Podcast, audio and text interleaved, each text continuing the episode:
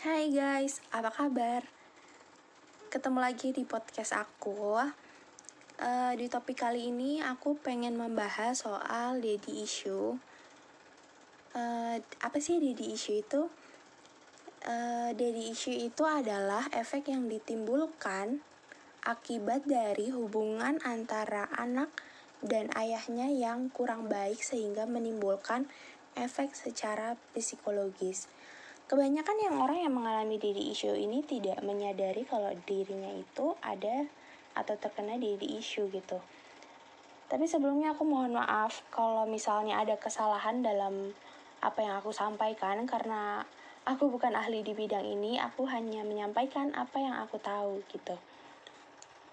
Jadi, aku punya teman cewek yang dia itu memiliki daddy issue tapi dia tidak menyadari hal itu gitu. Jadi dia ini adalah anak bungsu dari lima bersaudara.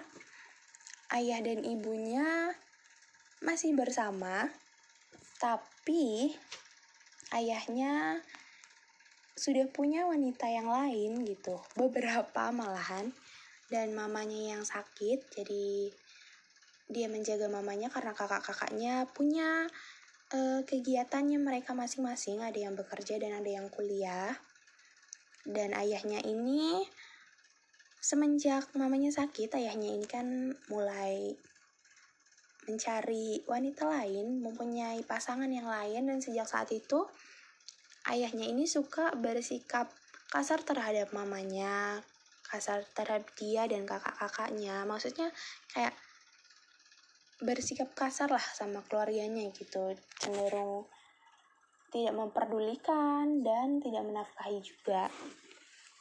Kenapa aku bisa bilang temen aku ini punya diri issue karena diri issue ini selain dia bisa menimbulkan rasa tidak percaya terhadap suatu hubungan atau tidak percaya terhadap laki-laki, juga bisa sebaliknya yaitu dia merasa dia membutuhkan sosok laki-laki. Dia merasa dia itu nggak bisa kalau nggak sama sosok laki-laki. Kenapa?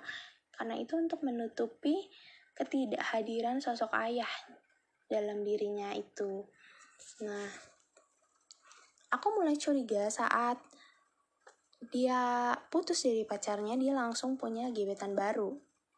Malah udah langsung jadi pacar baru gitu dan waktu pendekatan mereka tuh cukup singkat karena nggak sampai seminggu mereka udah jadian padahal mereka baru kenal. Saat itu aku mulai berani nanya gitu. Aku nanya kenapa kamu bisa cepet banget jadian sama orang lain? Padahal padahal kamu tahu kalau misalnya kisah kamu yang kemarin kasus kamu pacaran yang kemarin itu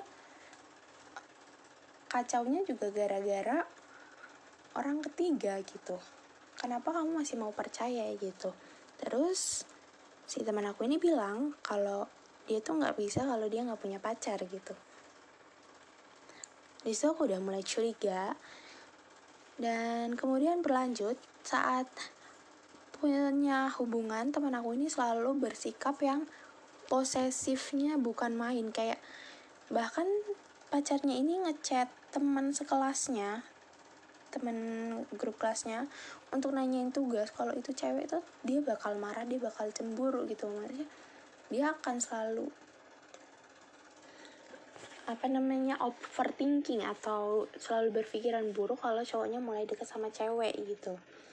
Dan aku nanya kenapa dia berpikiran kayak gitu?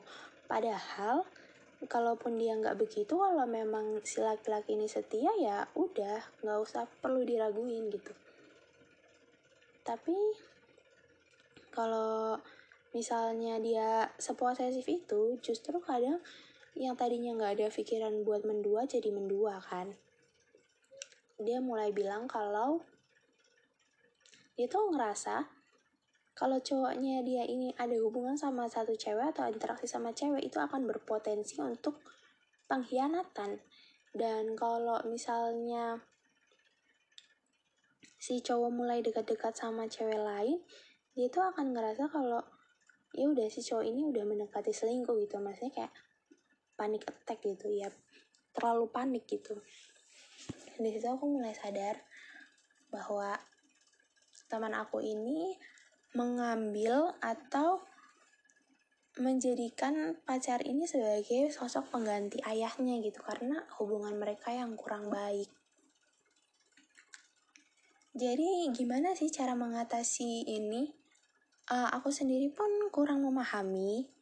Akan lebih baik kalau kalian bertanya ke profesional aja. Tapi menurut aku sendiri yang nggak bisa dihilangkan tapi bisa kita kontrol adalah dengan cara berdamai dengan diri sendiri gitu Kalian harus percaya, hanya karena hubungan orang tua kalian gak berjalan dengan baik atau bisa dibilang gagal, bukan berarti kalian akan mengalami hal yang serupa. Itu hanya tentang bagaimana cara memilih pasangan dan bagaimana cara kalian menjalani hubungan itu gitu. Jangan menjadikan hubungan orang tua kalian itu sebagai standar kehidupan kalian juga gitu. Jangan kalian berpikir kalau misalnya, oh orang tua gue gagal, berarti nanti gue juga akan gagal. Kalian nggak boleh berpikir seperti itu. Kalian harus bersama, berdamai dengan diri kalian sendiri.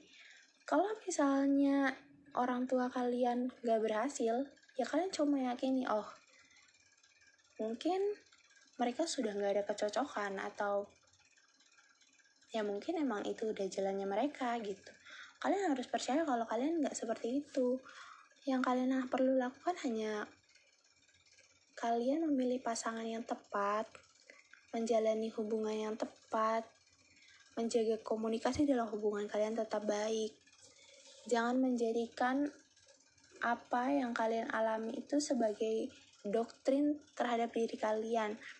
Apa yang mereka alami, apa yang orang tua kalian alami, jangan sampai kalian juga mengalaminya. Sebenarnya hal ini juga cukup mengganggu karena didi issue itu menyebabkan seseorang itu akan kesulitan dalam hubungan. Karena pasti nggak akan langgeng. Kayak sesabar-sabarnya orang kalau misalnya dicurigain terus dia pasti akan ada di titik capeknya dong.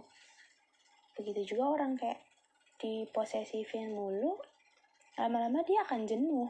Akhirnya dia nyari keluar nyari pelampiasan keluar gitu. Jadi kuncinya hanya satu cobalah berdamai sama diri kalian. Aku tahu nggak mudah.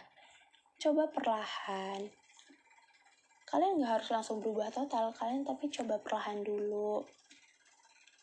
Karena guys percaya atau enggak lama-lama kalian yang akan capek sendiri.